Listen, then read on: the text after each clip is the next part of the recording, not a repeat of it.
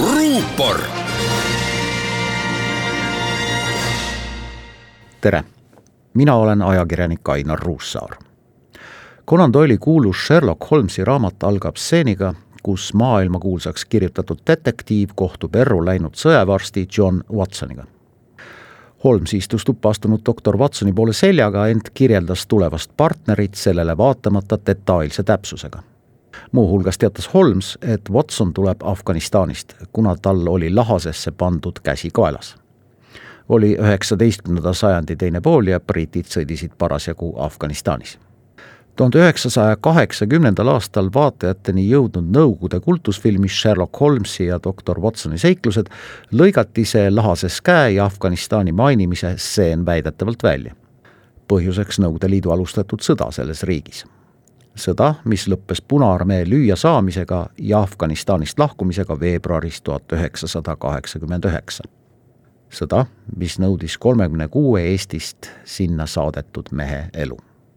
Afganistan ei suutnud oma teed valida ja võimule tõusnud islami äärmus kehtestas pimeda keskaja reeglid. sellest riigist sai usuterrorismi suurim baas riik, millest lähtuv terror tipnes kahekümne aasta taguse rünnakuga New Yorgi kaksiktornidele. see sündmus omakorda käivitas esimest korda ja seni ka viimast korda NATO kuulsa viienda artikli, mida võib kokku võtta sõnadega üks kõigi, kõik ühe eest.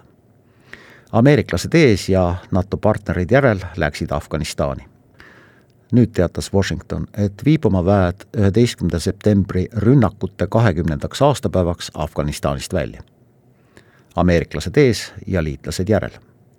Eesti on selles kauges sõjas kaotanud üheksa sõdurit. Afganistan ei ole ainult riikide tähestikulise nimistu esimene. see riik on kahjuks esimesel kohal maailma sünge statistika paljudes tabelites. Afganistan on maailma riikidest terrorismiohu ja inimröövide poolest esimene. maailma sõjakamate riikide edetabelis, mida nimetatakse küll maailma maade rahumeelsuse indeksiks on Afganistan viimasel kohal ehk ümberpöördult esimene. see tähendab kõige vähem rahumeelsem riik maailmas, edastades isegi Süüriat ja Iraaki. NATO ja tema partnerite lahkumine Afganistanist ei tähenda kindlasti selles riigis käiva lõputu sõja lõppu.